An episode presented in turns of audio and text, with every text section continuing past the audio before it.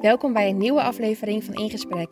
De podcast waarin we praten over innoveren, transities, complexiteit, gezondheid, de toekomst en nog veel meer.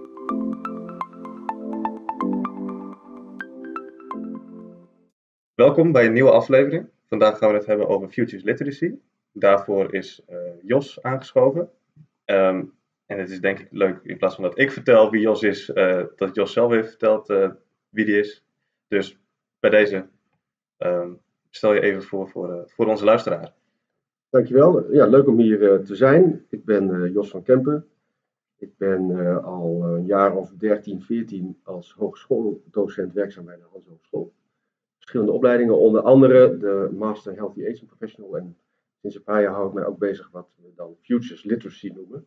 Waarin we op zoek zijn naar manieren waarop we in het heden kunnen veranderen door na te denken over de toekomst.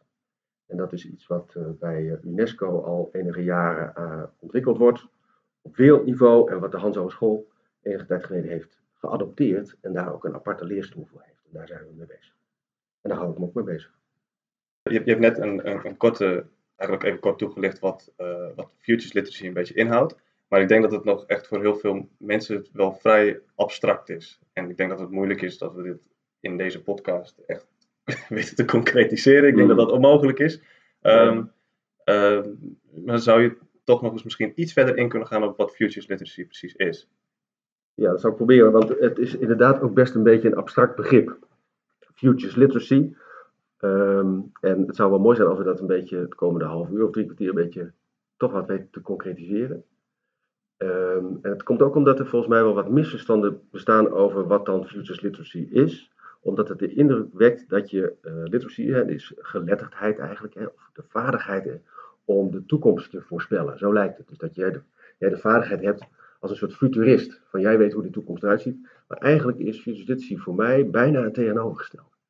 Omdat Futures Literacy gaat erover dat we de vaardigheid hebben om de toekomst te gebruiken, zodat we in het heden weten wat ons te doen staat. Is best al een hele ingewikkelde. Dus we willen de toekomst gebruiken om in het heden te veranderen of te innoveren. En daarvoor moeten we eigenlijk weten welke kenmerken de toekomst heeft. En ik zeg al de toekomst, en dat is eigenlijk niet helemaal goed, want future literacy betekent, gaat dus eigenlijk over de vaardigheid die iemand heeft en de kennis die iemand heeft over hoe de toekomst zich zou kunnen ontwikkelen en wat dat betekent voor het handelen in het nu. En uh, als je zou veronderstellen dat wij de toekomst zouden kunnen voorspellen, dat is eigenlijk het tegenovergestelde van wat literacy is, want literacy gaat ervan uit dat de toekomst eigenlijk niet bestaat of dat de toekomst op zijn minst meervoudig is. Er zijn meerdere toekomsten mogelijk. En literacy betekent ook wel, die realiseert, dus de, de, de, de filosofie van literacy realiseert zich ook dat sommige toekomsten best te plannen zijn. dus als je het weerbericht bekijkt, uh, morgens, en je ziet dat het gaat regenen, dan plan je eigenlijk voor de toekomst, voor die dag, en dan neem je alvast je paraplu mee. Of je neemt je regenpak mee als je daarna weer op de fiets gaat. Dan weet je, oh, het gaat regenen, dan heb ik een regenpak mee. En dan plan je eigenlijk voor een voorspelbare toekomst. Maar er zijn ook heel veel toekomsten die we helemaal niet kunnen voorspellen. Bijvoorbeeld, uh, om het even, uh, toch even een concreet voorbeeld te geven. Niemand had kunnen voorspellen dat die brexit er in één keer aankwam. Omdat er aan in die onderstroom allerlei dingen gebeurden die we niet zagen, maar die plotseling wel ertoe deden uh, voor de uitslag of Engeland nu wel of niet uit de EU zou gaan. Ehm, en hetzelfde geldt natuurlijk dat corona hebben we ook allemaal niet kunnen voorspellen. Dus er gebeuren alle dingen die we niet kennen. Wat betekent nou, en dat is future literacy, wat betekent nou die, al die toekomsten die we niet kennen, wat betekent dat voor het handelen nu? Daar kunnen we het meer over hebben. Maar dat is denk ik in de kern wat uh, voor mij future literacy is. Dus dat je kunt omgaan met de onzekerheid van een toekomst die we niet kennen. Ook al weten we dat er toekomsten zijn die we wel kennen. Denk maar aan het weerbericht. Er zijn heel veel toekomsten die we niet kennen. Ja, en ik, ik wilde inderdaad net eigenlijk aan je vragen van over um, het weer is inderdaad planbaar. Mm -hmm. Over wat voor onderwerpen hebben we het dan, over wat voor vraagstukken en, en dat soort dingen ja. hebben we het dan als we het he hebben over futures literacy. Ja. En je gaf net al inderdaad twee voorbeelden, de brexit en corona. Ja. Um, dus het, maar het, ook klimaat is bijvoorbeeld zo'n onderwerp. Ja, dus daar waar, dus voor mij is future uh, raakt ook aan wat wij dan complexiteit noemen, ook sociale complexiteit. Dus daar waar de voorspelbaarheid van hoe uh, dingen zich zullen gaan ontvouwen uh, heel laag is. Dus het is, een lage voorspelbaarheid en de onzekerheid over hoe het zich zal gaan voltrekken is heel erg hoog. En bijvoorbeeld met het klimaat betekent dat, dat dat te maken heeft met heel veel dingen die, waarvan wij niet, nou ik zeker niet weet, dat die in elkaar grijpen, die hebben allemaal met elkaar te maken. Dus daar waar heel veel dingen met elkaar tegelijkertijd te maken hebben, je kunt het niet in kleine stukjes knippen. Daarvoor is het, dat, en dat noemen wij complexe vraagstukken. Vraagstukken die eigenlijk zo complex zijn dat niet één iemand slim genoeg kan zijn om het op te lossen. En dus als je een raket de lucht in wil sturen, dan zoek je een paar raketgeleerden en die kunnen uitrekenen wat je moet doen om die raket. En dan kun je dus voorspellen wat er met die raket gebeurt. Uh, hoe het klimaat zich zal gaan ontwikkelen, ja, daar zijn natuurlijk allerlei ideeën en allerlei modellen over, maar eigenlijk weten we niet precies hoe het zich zal gaan ontwikkelen. Hetzelfde geldt natuurlijk voor hoe uh, de coronacrisis om zich heen heeft geslagen. Kunnen we achteraf kunnen we wel zeggen hoe dat misschien is gegaan en nog steeds niet. Maar we weten voor de komende zes maanden of voor het komende jaar ook niet precies hoe het zich, gaat, uh, zich gaat voltrekken. Dus corona is wat dat betreft ook weer een belangrijk voorbeeld van een toekomst die we niet hebben kunnen voorspellen. En nu we er minder in zitten, weten we nog steeds niet hoe, hoe die zich zal, verder zal gaan verlopen, die toekomst. En toch moeten we nu iets doen. dat is wat, wat Rutte dan ook van, we moeten 100% beslissingen nemen met 50% van de kennis. Nou, en daar gebruikt hij dus de mistige toekomst. We weten niet hoe die ontwikkelt. Die gebruiken we om nu beslissingen te nemen. Maar als je dan naar die mistige toekomst kijkt, dan is dat dus eigenlijk deels op basis van speculaties en deels op aannames.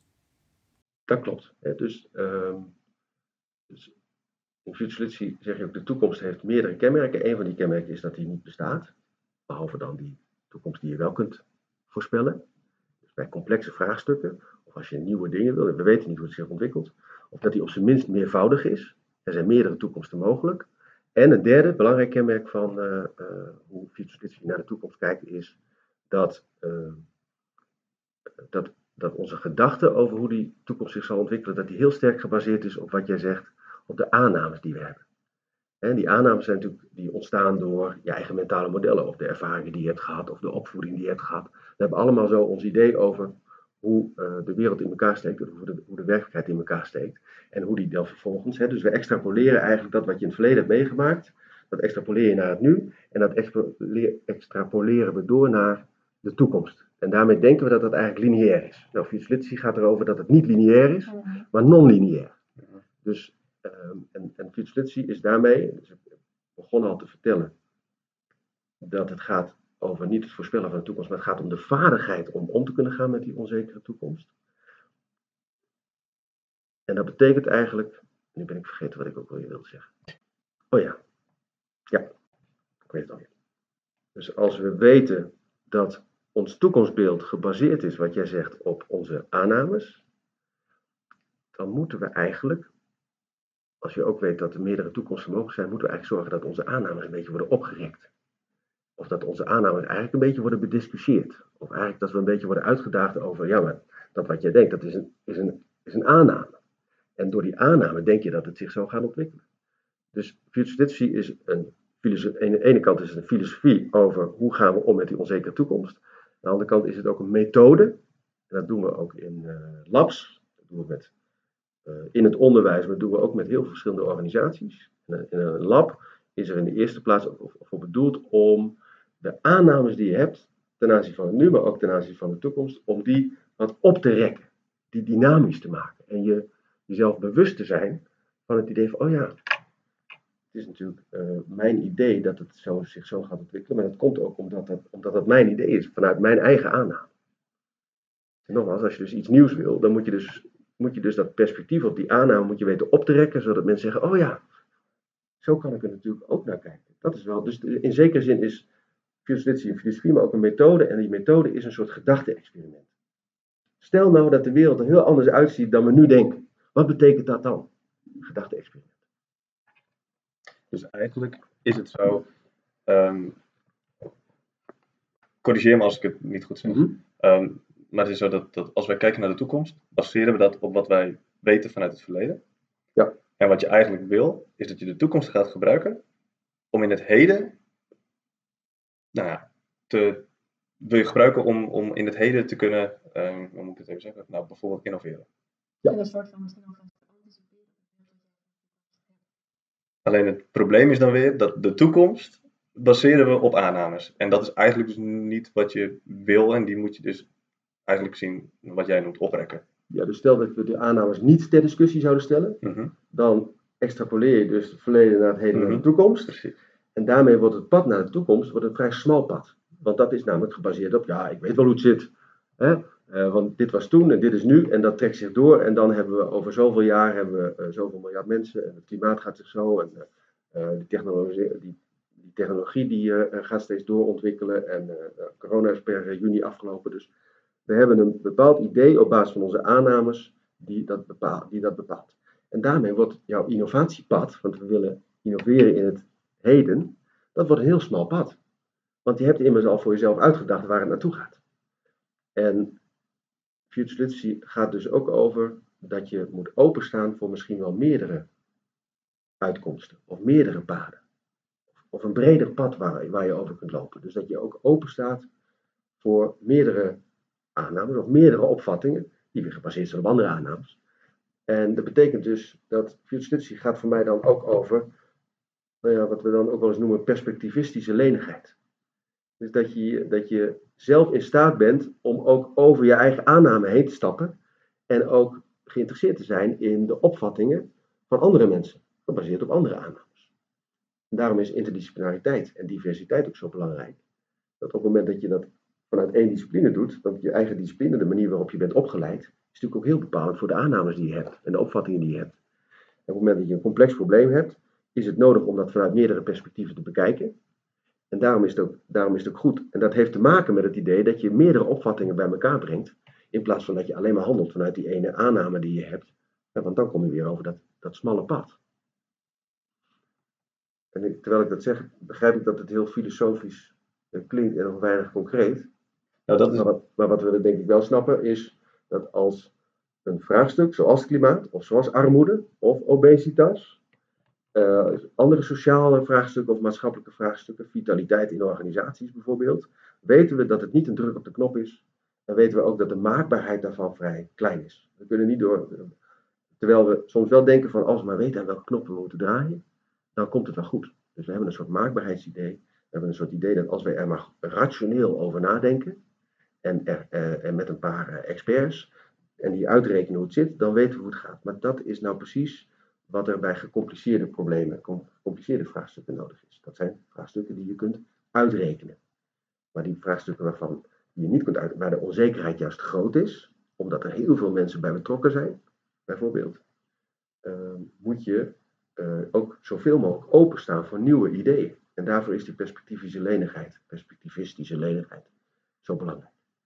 En dat is voor mij ook future en, dat- maar als we het dan hebben over, ehm, eh, je moet openstaan, hè? je zegt een van de dingen die je moet doen, is eigenlijk openstaan voor andere ge- gedachtegoeden. Van, van, Ja. van, eh, maar hoe, ehm, wat is er nog meer, hoe, hoe kun je concreet bezig gaan met futures literacy? Want dat vind ik zelf nog, bijvoorbeeld nog wel eens moeilijk. Ja. Ehm, enerzijds, ja, je kunt zeggen je moet openstaan voor, voor nieuwe gedachtegoeden, maar Ja. hoe, hoe ga je daarmee bezig? Ik denk ook niet dat het in elke werkomgeving even makkelijk is om futures literacy in te zetten. En dat dat ook afhankelijk is van de context waarin je je bevindt. Nou ja, om, ik, ik kan wel wat voorbeelden geven van hoe we daarmee bezig zijn geweest. Hè? Met, met vraagstukken waarvan we niet precies weten wat eh, het antwoord is, omdat, het, omdat we het niet kunnen uitrekenen, om het zo maar te zeggen. En een van de vragen die we een tijd geleden kregen van het eh, college van bestuur van de Hans Hogeschool, is ehm, dat zij aan het nadenken waren over een verder gegaande digitalisering van het onderwijs. En daarmee ook een digitalisering van eh, de toetsing, de tentaminering. En eh, zij vroegen zich af, waar gaat het wat betreft die digitalisering van het toetsen in het hoger onderwijs naartoe? En moeten we daar ook geld voor reserveren? En moeten we misschien een heel digitaal huis gaan bouwen, zodat alle studenten vanuit huis eventueel hun tentamens kunnen doen, eh, zodat ze niet eh, naar een grote hal hoeven. En kunnen we die hal dan gewoon afbreken en kunnen we gewoon een soort digitaal huis maken. Eh, en moeten we dan ook een grote serversruimte gaan, gaan inrichten. En toen zijn we twee dagen in een hotel zijn we, met behulp van een Futures Literacy Lab met een facilitator en met nog meer, met een regisseur en meerdere facilitators, zijn we interdisciplinair, dus met directie, met teammanagers, met studenten en met docenten en al wat staf, stafmensen, zijn we aan de hand van die methode van Future Literacy, te beginnen bij het oprekken van je aannames, zijn we aan de slag gegaan. En eigenlijk, uh, jouw vraag was, hoe ga je dan daarmee aan de slag? Nou, Future is ook een vrij concrete methode, die eigenlijk volgens drie stappen verloopt. de eerste stap is, wat denk je hoe de toekomst zich zal gaan ontwikkelen? En wat, hoe hoop je dat dit zich gaat ontwikkelen? En de tweede stap is om dat hele beeld weer om te keren. En een heel ander, ander beeld te schetsen van uh, hoe bijvoorbeeld het onderwijs en de toetsing daarvan eruit gaat zien. En uh, de uitkomst, want ik heb natuurlijk geen tijd om dat hele proces te vertellen, maar de uitkomst was bijvoorbeeld dat het college van bestuur heeft besloten om veel minder te gaan investeren in digitalisering, omdat de uitkomsten van, die van het lab dat uh, het sociale proces van leren belangrijk leek te blijven. Uh, dat, dat, dat het misschien wel blended belangrijk is, maar dat, dat we niet, dat we niet de digitalisering eigenlijk het helemaal gaat overnemen als proces. Dus we hebben, eigenlijk hebben zij op basis daarvan gezegd, we hoeven geen 3 miljoen te reserveren voor een digitaal huis. Veel minder, want we hebben eigenlijk hebben we op basis van onze eigen aanname gezegd, ja die digitalisering die slaat om zich heen en dat wordt alleen maar erger, dat wordt alleen maar erger. En als je dat lineair doortrekt, dan heb je op een gegeven moment alleen nog maar uh, digitaal onderwijs. Nou, die coronatijd heeft ons nu ook wel geleerd dat het, dat het slechts dat het wel iets kan opleveren in termen van efficiëntie, in termen van tijdwinst, maar dat dat verre van ideaal is als het gaat om onderwijs. Dus, je, dus is ook een methode om te verkennen over van hoe kijken we gezamenlijk naar die toekomst en wat betekent dat voor de beslissing die we nu moeten nemen. Jouw vraag was, hoe ziet dat eruit? Nou, mhm. de, de, de vraag was, moeten we investeren in het digitaal tentamenhuis? Hè, om het zo maar te zeggen. Moeten we digitaliseren? Uh, ja of nee en, en, en, of een beetje. En, en, en door die verschillende toekomsten te verkennen, scenario's, et cetera, en aannames op te rekken, was eigenlijk het antwoord erop, nou misschien gedeeltelijk, maar niet, als je het, dus het is minder lineair dan je denkt. Dat was eigenlijk ons antwoord. Dus het is ook belangrijk om niet de vraag te stellen, hoe denk je dat de toekomst eruit ziet, maar hoe zou jij willen dat de toekomst eruit ziet? Uh, ja, dat, dat, speelt, dat speelt wel een rol. Uh, nou, ik, ik uh, laatst een hele dag ben ik met HRM'ers aan de slag geweest over de toekomst van mensen in organisaties. En dat waren studenten van de academie, uh, Academische Opleiding Groningen, de AOG. Die hadden in die, dat is een uh, soort postacademisch onderwijs, en die hadden de opdracht om een soort visiedocument te schrijven over de future of work. Van hoe gaat het werk er straks uitzien in de context waarin zij werken. En uh, wat wij hebben gedaan met die groep, is dat we vooral hebben geprobeerd om die aannames ten aanzien van hoe het zich zal ontwikkelen, om die vooral op te rekken, om die een beetje te uh, provoken, uh, uit te dagen zou je kunnen zeggen, provocatief, door die methode van literacy, omdat in de eerste opzet die ze allemaal hadden gemaakt over, ik denk dat de toekomst van werk en mensen en organisatie er zo uitziet, hadden ze, gingen zij er nog steeds vanuit dat er gewoon een gebouw was, Waar je uh, s morgens uh, om acht uur dat je je huis verlaat. En dat je om half negen in je werk aankomt. En dat je aanschuift achter een bureau. En dat je je computer aanzet. En dat er vervolgens vergaderingen zijn. En dat, dat er een directeur is met teamleiders erbij. En dat er mensen zijn die het, die het werk moeten uitvoeren. En dat zijn natuurlijk, omdat dat al zo lang het patroon is, was dat ook de aanname van al die mensen die moesten nadenken over hoe gaat het werk zich ontwikkelen. En we kwamen er eigenlijk achter dat zij hun toekomstbeeld heel erg hadden gebaseerd op hoe het eigenlijk nu was. Dus ze waren eigenlijk onvoldoende in staat om vrij te denken over van alles kan. Hoe, welke kant gaat het op? Dus eigenlijk hangt het ook een beetje samen met je creatieve vermogen. Heel veel. Dus het gaat heel erg over die, het aanspreken van verbeeldingskracht. En als je niet uitkijkt, als je zegt van maak een schets van de toekomst. En je bent niet kritisch ten aanzien van je eigen aannames, dan zul je zien dat je vooral een toekomst schetst die gebaseerd is op hoe jij het in het verleden hebt ervaren. En dat is natuurlijk jammer, want dan, dan sla je heel veel mogelijkheden sla je dan over.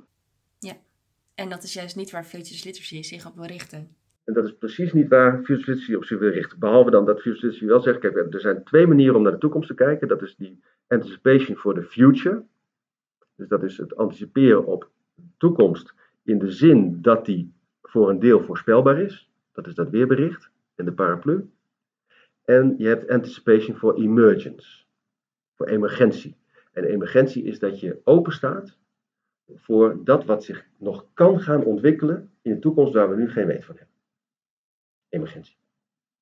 Dus dat is opduikende situaties, doordat uh, mensen in het proces van nu tot later, bijvoorbeeld in het klimaat, of bijvoorbeeld hoe gaan we om met, kan ik even geen voorbeeld bedenken. Nou ja, dat voorbeeld van uh, de, digitalisering van het onderwijs en van het toetsen, dat je open staat voor uh, dingen, uh, dus andere zienswijzen, andere ontwikkeling van de toekomst, omdat het idee dat mensen steeds met elkaar praten in het proces, dat levert elke keer weer nieuwe inzichten op. En die nieuwe inzichten die kun je op dit moment niet voorspellen. Dan zeg je eigenlijk, oh, nu kijken we er zo tegenaan. En hoe complexer het vraagstuk, complexe vraagstukken zijn dus vraagstukken waarbij de voorspelbaarheid laag is en de onzekerheid hoog, door de hoeveelheid aan, aan mensen die daar bijvoorbeeld bij betrokken zijn en de verschillende opvattingen die daarover bestaan bij die mensen. Uh, daardoor is die voorspelbaarheid uh, laag en die onzekerheid hoog. Dat zijn precies die vraagstukken die, uh, waarbij je hele kleine stapjes moet zetten, omdat het niet mogelijk is, want dan ga je dus uit van een knowable future en een future die je kent. Uh, dan, dan zeg je ja, maar dan moeten we over drie jaar moeten we, moet een raket worden gelanceerd en daar kun je wel op sturen. Maar op het moment dat je naar iets nieuws wil, een nieuwe manier waarop we gaan samenwerken, of we willen nieuwe manieren om te kijken hoe mensen in uh, hun werk uh, gaan doen, ja, dan, en, en, en er zijn heel veel verschillende opvattingen bestaan erover dan moet je eigenlijk steeds kleiner stapjes. En, en daar komt eigenlijk die human centered design en design thinking vandaan. In de zin dat je dat je zegt, je gaat eerst divergeren en dan ga je kijken wat speelt er. En je probeert vanuit die kleine stapjes probeer je dan te leren door te evalueren. Van wat zijn we nu te weten gekomen, wat moeten we nog te weten gekomen. Dan zet je de volgende stap.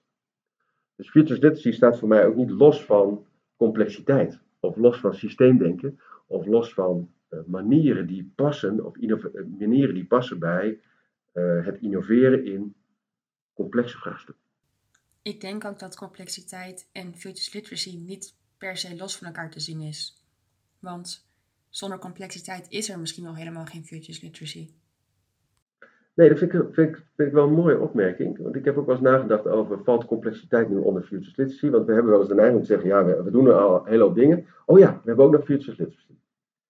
Uh, voor mij uh, gaat het over dat we bijvoorbeeld bij die Master Healthy Age Professional uh, zijn de studenten, en wij zelf ook, zijn we bezig om in een complexe omgeving, heel veel stake, verschillende stakeholders, wat we dan het ecosysteem nodig noemen, om daarin te innoveren.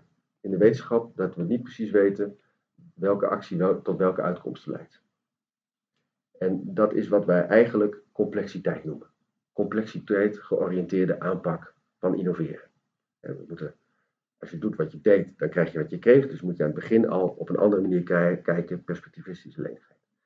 En dat is wat we complexiteitsgeoriënteerdheid noemen. En eigenlijk is dat voor mij hetzelfde als wat je doet bij Futures Literacy. Want die gaat ook uit van die onvoorspelbaarheid van die toekomst.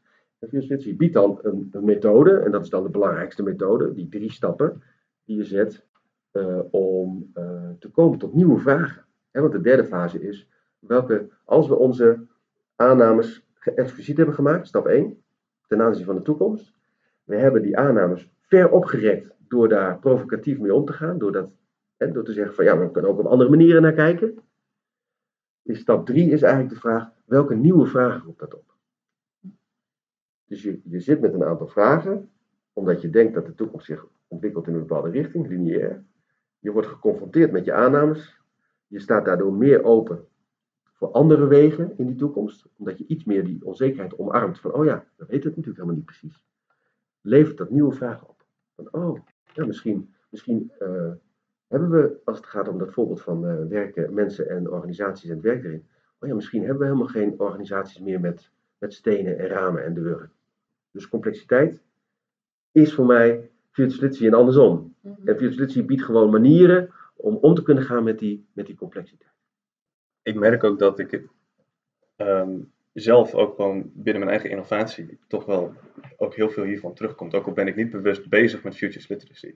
Ehm, eh, Maar dat komt misschien ook omdat ik zelf in een innovatiecontext zit en bezig ben met innovatie. Ja. En ik denk niet zozeer zelf heel erg na over deze stappen van, van Futures Literacy. Maar ik merk wel dat wat die, die stappen zijn, dat ik dat ook onbewust al een beetje toepas in mijn innovatie. Nou, dat is mooi, want dat betekent dat je al in zijn algemeenheid de onzekerheid een beetje hebt omarmd. Zo van, ja, ik, ik, ik ga een hele hoop dingen doen. Ik wil zoveel mogelijk te weten komen. En eigenlijk wil ik, eh, wil ik openstaan voor meerdere eh, paden die naar die toekomst toe gaan. Maar het is ook belangrijk dat, want ik kan het wel omarmen, maar ik denk dat het ook net zo belangrijk is dat mijn omgeving dat ook omarmt. Ja. Maar dat is op zich nog best wel vaak heel erg lastig. Ja. Ja. Helemaal afhankelijk van, van hoe die context eruit ziet, in welke omgeving jij je Mm. bevindt, ehm, is het best moeilijk om jouw nou, stakeholders, om het Ja. maar even zo te zeggen, Ja. ook op die manier te laten denken en om Ja. ook die complexiteit en dat, dat, dat, dat, dat niet wetende te, om, te omarmen. En dat is misschien ook wel waar ik nog het, het meest tegenaan loop. Hoe zorg je ervoor dat jouw omgeving zich ook op die manier opstelt? Ja, wa- wat ik, wat ik merk als het gaat om enthousiasme voor het doen van een lab over hoe zal de toekomst zich ontwikkelen. En als we weten dat die zich op verschillende manieren kan ontwikkelen, ik denk dat voor nu, dat iedereen er heel enthousiast over is. Maar op het moment dat je ehm, echt aan de slag gaat, dan zeggen ze ja, maar wat is het nou eigenlijk allemaal precies? En wat, wat kan ik er dan mee? Hè? Eh, omdat ze toch, we zijn natuurlijk allemaal opgegroeid met het idee van, nogmaals, als je maar slim genoeg bent, hè, we moeten vooral onze ratio eh, aan het werk zetten. En dan kunnen we eh, bepalen wat er nu nodig is. We maken er een plan voor, we rekenen het uit, we maken een analyse. En, en op basis daarvan proberen we de kern van het probleem, proberen we eh, de vinger op de zere plek te leggen. Terwijl eigenlijk Literacy het tegenovergestelde is. Die zegt van er zijn meerdere zere plekken. We moeten niet meteen het reduceren tot een klein eh, probleem. Dus het is heel moeilijk om aansluiting te vinden bij mensen die eh, iets meer het klassieke, rationele eh, paradigma hebben over de manier waarop je problemen moet oplossen. Dat is één. Wat ik, en daarom vind ik het ook wel belangrijk om te zeggen dat Future voor mij ook, voor een, voor een deel is het ook gewoon een methode en een instrument. We moeten het ook een beetje simpel maken en concreet maken. En Mhm. volgens mij heb je het daar ook over. Ehm, dat Literacy ons een aantal methoden biedt, bijvoorbeeld die Polak game. Ehm, of bijvoorbeeld de causal layered analysis, dat is een, die ijsberg. Eh, dat gaat misschien nu ver om uit te leggen, eh, om, om toe te lichten. Maar eigenlijk zitten er heel veel elementjes in die je gewoon met mensen kunt gaan doen. Omdat ze het wel leuk vinden om, om, om erachter te komen hoe zij eigenlijk tegen de zaak aankijken. En eh, dus er zitten allerlei instrumenten in die mensen aan het denken zetten. En als mensen al denken van, oh ja, toen ik vanmorgen de deur liep, dacht ik er zo over. Daar was ik me eigenlijk niet van bewust. En ik was me er zeker niet van bewust dat dat nogal gebaseerd was op mijn eigen aannames. En eh, het is in ieder geval, achteraf merk ik wel dat ik nu wat meer opensta voor andere denkbeelden. Ja, dan, dan heb je al een hele wereld gewonnen. Maar op het moment dat wij resultaat definiëren in de vorm van er is ook een tastbaar resultaat en dit hebben we bereikt, ja, dan, dan ben je inderdaad een beetje ontevreden. En dus we moeten ook een beetje tevreden zijn met als, als er maar, dit, als maar een klein beetje verandering in het denken is ontstaan van, oh ja, ik ben natuurlijk ook een beetje mijn eigen tunnelvisie aan het ontwikkelen. In plaats van dat er ook nog andere mensen zijn en dat er ook nog andere opvattingen zijn en die, die mij ook kunnen helpen. En dus Literacy heeft ook methoden die je gewoon zegt van we gaan een gedachte-experiment doen. En we, gaan, we, hebben vandaag doen om te kijken hoe kijken we eigenlijk tegen dit vraagstuk aan. En we proberen die vraagstukken, dus als het gaat over het expliciteren van hoe kijk jij naar de werkelijkheid van dit vraagstuk, is dat hartstikke zinvol. Dan ga je allemaal werkelijkheden ophalen en dan ga je daar een beetje provocatief mee om. En dat is ook literacy. Bewust worden van je aannames. En op het moment dat je bewust bent van je aannames, dat is eigenlijk al stap 1 in het ontwikkelen van de capaciteit om die moeilijk te voorspellen toekomst te gebruiken in het nu. Dus, dus het betekent niet dat je per se ook een stap moet zetten, maar het idee dat je al bewust bent van je aannames is al een stap in, het, in, in de ontwikkeling van die vaardigheid. Je hebt de vaardigheid ontwikkeld dat je je bewust bent van je eigen aannames. Dat is wel heel mooi. Ja, want ik zat net, ik, ik, ik, ik zat net even, even, even te denken, want eh, die, die, die, die stap, die bewustwording eigenlijk, Ja. dat is misschien nog wel belangrijker dan of er ook daadwerkelijk iets gaat uitkomen met waar we mee, met, met, nou ja, met, met, uit het, het, traject van Futures Literacy, Ja. waar je dan mee bezig bent. Daar zat ik net over na te denken, want ik zeg Ja. net van, ehm, eh, stel ik zou het, eh, als ik kijk naar mijn, mijn, mijn eigen innovatiecontext, ehm, stel ik zou dat eh, ehm, zo'n zo'n zo'n experiment doen. Mhm. Stel ik zou die stappen doorlopen met mijn, met, met, met mijn omgeving. Ik denk dat, dat, dat een hele hoop mensen dan zoiets hebben. Ja, maar dat gaat niet werken, want. Maar misschien is het wel belangrijker dat het, eigen denkproces van de mensen, eh, dat ze zich daar bewuster van worden. Beste voor mij is dat ook zo. En dat, dat is een beetje een, ja, wat ze dan een intangible noemen. Dus dat is een niet tastbaar resultaat, maar het is wel een resultaat. En dat ze er thuis over praten. Van, oh ja, oh, ik ben me wel bewust geworden van mijn aannames eigenlijk. Want je aannames stuurt je gedrag, stuurt je handelen, stuurt je actie. Dus future is niet dat je daarmee ook de actie hebt gedaan, maar wel de stap die nodig is om die actie te nemen. En dat is natuurlijk ook wel een beetje hoe we in elkaar zitten, over het algemeen, dat we pas tevreden zijn als we actie hebben ondernomen of zo. Hè? Ja. Maar voorwaardelijk is misschien dat je eh open staat voor meerdere, meerdere acties, in plaats van altijd dezelfde actie te doen die je eigenlijk ook al, afhankelijk van hoe oud je bent, eh, al misschien al vijf of tien of al twintig jaar eigenlijk gewoon elke keer maar weer doet. Omdat jij denkt dat dat de beste manier is. En als je dan s'avonds denkt van, oh ja, kan misschien ook wel op een andere manier. Zonder dat je dat al hebt gedaan. Mhm. Het feit dat je daarover nadenkt, is natuurlijk al hartstikke mooi.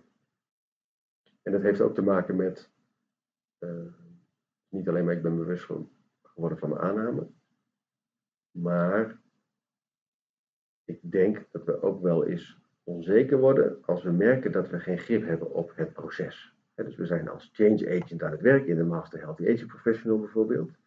En daarmee eh, worden we geacht een soort plan te maken voor hoe dat proces moet doorlopen, doorlopen worden, want we willen grip hebben op dat proces. Hoeveel het kost en eh, hoe het zich gaat voltrekken, et. En welke acties jij daarin doet en hoe de interventies eruit zien. Een soort business case. Ehm, terwijl bij complexe vraagstukken, kenmerk van die complexe vraagstukken is dat het juist moeilijk te voorspellen is hoe het zich zal gaan verlopen, dat proces. Door die, onder andere, door die interactie tussen verschillende mensen, waardoor er eigenlijk nieuwe in- inzichten komen die eigenlijk meer bepalend zijn voor de uitkomsten. Die je nu niet kunt voorspellen. En waar Future dan over gaat, en dat noemen ze dan resilience in change. Dus dat je wendbaar bent of veerkrachtig bent in die onzekere, in die veranderende, niet te voorspellen, in dat niet te voorspellen proces. Terwijl ons, eh, ik zou bijna willen zeggen, ons rationele of ons klassieke of ons bedrijfskundige, bedrijfsmatige brein eigenlijk veronderstelt of van ons verlangt dat wij juist wel grip moeten hebben op die zaak. En op het moment dat het dan onvoorspelbaar wordt, dan worden we zenuwachtig en dan krijgen we stress, want we hebben geen houvast meer. En we weten niet meer hoe het gaat eh, verlopen. En dat kan toch niet, want nu is mijn plan niet meer waard. En eh, hoe moet dat nou? En nu is dat niks meer waard, want ik heb gezegd dat dit het plan was en nu kan dat plan in de prullenbak. Terwijl Future Literacy misschien wel, naast het feit dat ze een beetje worden eh, uitgedaagd om, in, om perspectivistisch lenig te zijn door die aannames, kunnen ze ook een beetje zich wat comfortabeler, wendbaarder, resilient voelen in die onzekere wereld die ze daarvoor nog niet kenden. En dus Literacy maakt ook bewust van, oh ja, het is ook niet allemaal. Dus als het gaat om, eh, we zijn redelijk stressvol bijvoorbeeld, we hebben de, stress- en burn-out neemt toe, eh, ook onder young professionals en onder studenten. En een van de redenen waarom dat zo is, denk ik, is omdat we eh, het gevoel hebben dat we grip verliezen op al die prikkels die op ons afkomen. Verliezen grip, want er moet zoveel. En dan hebben we ook nog eh, social media die die prikkel eh, alleen maar doet toenemen. En eh, de studie moet in vier jaar. En met allerlei beoordelingscriteria. En, nou, en in, het werk heb ik ook een bepaalde taak. En dat moet ook allemaal af. En er wordt van mij verwacht dat ik dit aan het eind oplever. En dat is dan vaak ook nog gespecificeerd in een soort kritische prestatieindicatoren. Hè? En dan verliezen we grip en daar worden we nerveus van. En daar krijgen we stress van en dan uiteindelijk misschien wel een burn-out. Justitie is ook dat je daar een beetje, nou ja, relativerende mee om kan gaan, omdat je weet dat dingen zich nou eenmaal anders voltrekken dan je dan je vaak denkt. En dat is resilient in change. Dus dat vind ik ook wel mooi. Dus futures literacy is eigenlijk ook iets wat, waar iedereen zich eigenlijk wel in zou kunnen verdiepen, of moeten ook verdiepen. Moeten is misschien, nou, ik vind niet dat je iets moet, maar... Nou ja, wat, kijk, Riel Miller is een soort grondlegger van, uh, dus als je wat wil lezen over futures literacy te weten komt, dan heeft hij daar veel over gepubliceerd. En Riel Miller, die noemt dat walking on two legs. Dus lopen op twee benen. Waarbij, als het als literacy gaat over de vaardigheid om om te gaan met de toekomst uh, in het heden. En je weet dat, er twee verschillende toe dat je dat op twee manieren kunt doen. Grofweg, hè, zwart-wit. Um, deels planbaar, maar deels ook helemaal niet. Dan zegt hij, dat planbare been, walking on two legs, dat planbare been, daar, hebben we, daar zijn we behoorlijk in getraind. Vanaf basisschool wordt je verteld wat je moet doen, hoeveel uh, punten je moet halen voor de CITO-score of wat dan ook. Nou, dat proberen we allemaal op te plannen en de ouders proberen dit te doen zodat ook gebeurt wat je graag wil dat er zou gebeuren. Dus we zijn vanaf jongs af aan opgegroeid met het idee dat we een plan moeten hebben, dat we eerst moeten nadenken en dan pas iets moeten doen, bij wijze van spreken. Uh, maar hij zegt ook, je bent vaardig om met die toekomst om te gaan in het heden, als je beide benen even gespierd zijn, om het zo maar te zeggen. Die moeten allebei getraind zijn. En dat been van die planbare toekomst, die is over het algemeen bij mensen goed getraind. En, maar dat been van die onplanbare, die onzekere toekomst, dat is een ongetraind been. En dat is wat jij zegt, eigenlijk zou iedereen zich een keer met uh, future literacy moeten bezighouden om dat andere been ook een beetje beter te trainen. Jij bent natuurlijk veel bezig met future literacy. En je hebt een dochter als ik het goed heb. Want je geeft net aan dat future literacy ook toepasbaar is bij bijvoorbeeld opvoeden. Is het dan ook zo dat je um, zelf bij de opvoeding van je dochter Future Literacy hebt ingezet? En was je je daar bewust van? Oh, dat vind ik wel een mooie vraag. Uh, dat denk ik wel, al weet ik niet um, of dat iets is wat bij mij dan van natuurlijk. Ik kan niet helemaal achterhalen of dat iets is wat ik sowieso al deed, of dat ik dat nu vooral doe omdat ik meer met Literacy bezig ben. Dat, dat, dat weet ik eigenlijk. Um, Kijk, ik denk wel dat, dat ik ben ook veel bezig met futuristie, omdat het bij mij aan iets raakt waarvan ik, uh, voor mij is het een soort taal geven aan de dingen die ik al een beetje, waar ik al een beetje een idee over had en waar ik een bepaald gevoel bij had. Hè? Dus dat is voor mij ook bij, bij complexiteit is dat ook zo. Dus dat je eigenlijk al een beetje tegenaan loopt van ja, maar het is toch helemaal allemaal zo voorspelbaar. En we moeten toch niet allemaal grip houden op. En het is, we moeten niet denken dat het allemaal zo maakbaar is. En complexiteit en future literacy of daar waar het bij veranderen ook over de onderstroom hè, van veranderen. Uh, dat geeft mij ook taal, een soort narratief, om voor mezelf beter te snappen van, oh, maar dat was dat gevoel van, oh ja, het is niet maakbaar. En nu kan ik ook nog uitleggen waarom dat niet zo is. En zo denk ik dus met opvoeding dat ik het ook wel, misschien van nature wel een beetje al deed, maar dat future mij in retrospectief, dat ik, dat ik nu kan uitleggen, oh ja, dat, dat, past, dat past inderdaad bij justitie. En bovendien betrap ik mezelf natuurlijk op heel wat uh, tegenstrijdigheden. In de zin dat ik graag ook, want voor mij heeft het ook betekend dat ik probeer les te geven vanuit het niet weten. We willen immers ook samen met studenten op zoek naar nieuwe manieren waarop je kunt omgaan met die, met, nou bij de Master Health Age Professional, met allerlei gezondheidsvraagstukken. En als we iets nieuws willen doen, dan moeten we dus niet ons alleen maar baseren op wat ik, wat ik nu weet. Want als ik, alleen maar, als ik alleen maar ga lesgeven vanuit wat ik nu weet, dan blijven we doen wat we al deden. En dan krijg je dus wat je kreeg. Dus ik moet dus ook openstaan voor iets waarvan ik nu ook nog. Dus eigenlijk moet ik tegen studenten zeggen: Ik heb het idee dat hier iets zit of daar. Zullen we daar samen eens naar kijken? Uh, terwijl ik me tegelijkertijd heel erg op betrap dat als ik lesgeef, dat ik dan toch een beetje net doe alsof ik weet hoe de wereld in elkaar zit. En dat komt ook omdat die, die studenten naar mij kijken. Die, die verwachten ook een beetje dat ik dan een beetje degene ben die meedoet. ja. Uh, en dan. En dat is. Um, dus dat is, het is heel moeilijk. En dus ik weet niet of ik het goed doe bij mijn dochter. Sterker nog, daar ben ik heel onzeker over. Uh, het is wel zo dat ik me daardoor er uh, wat meer van bewust ben omdat ik mij betrap op die tegenstrijdigheden.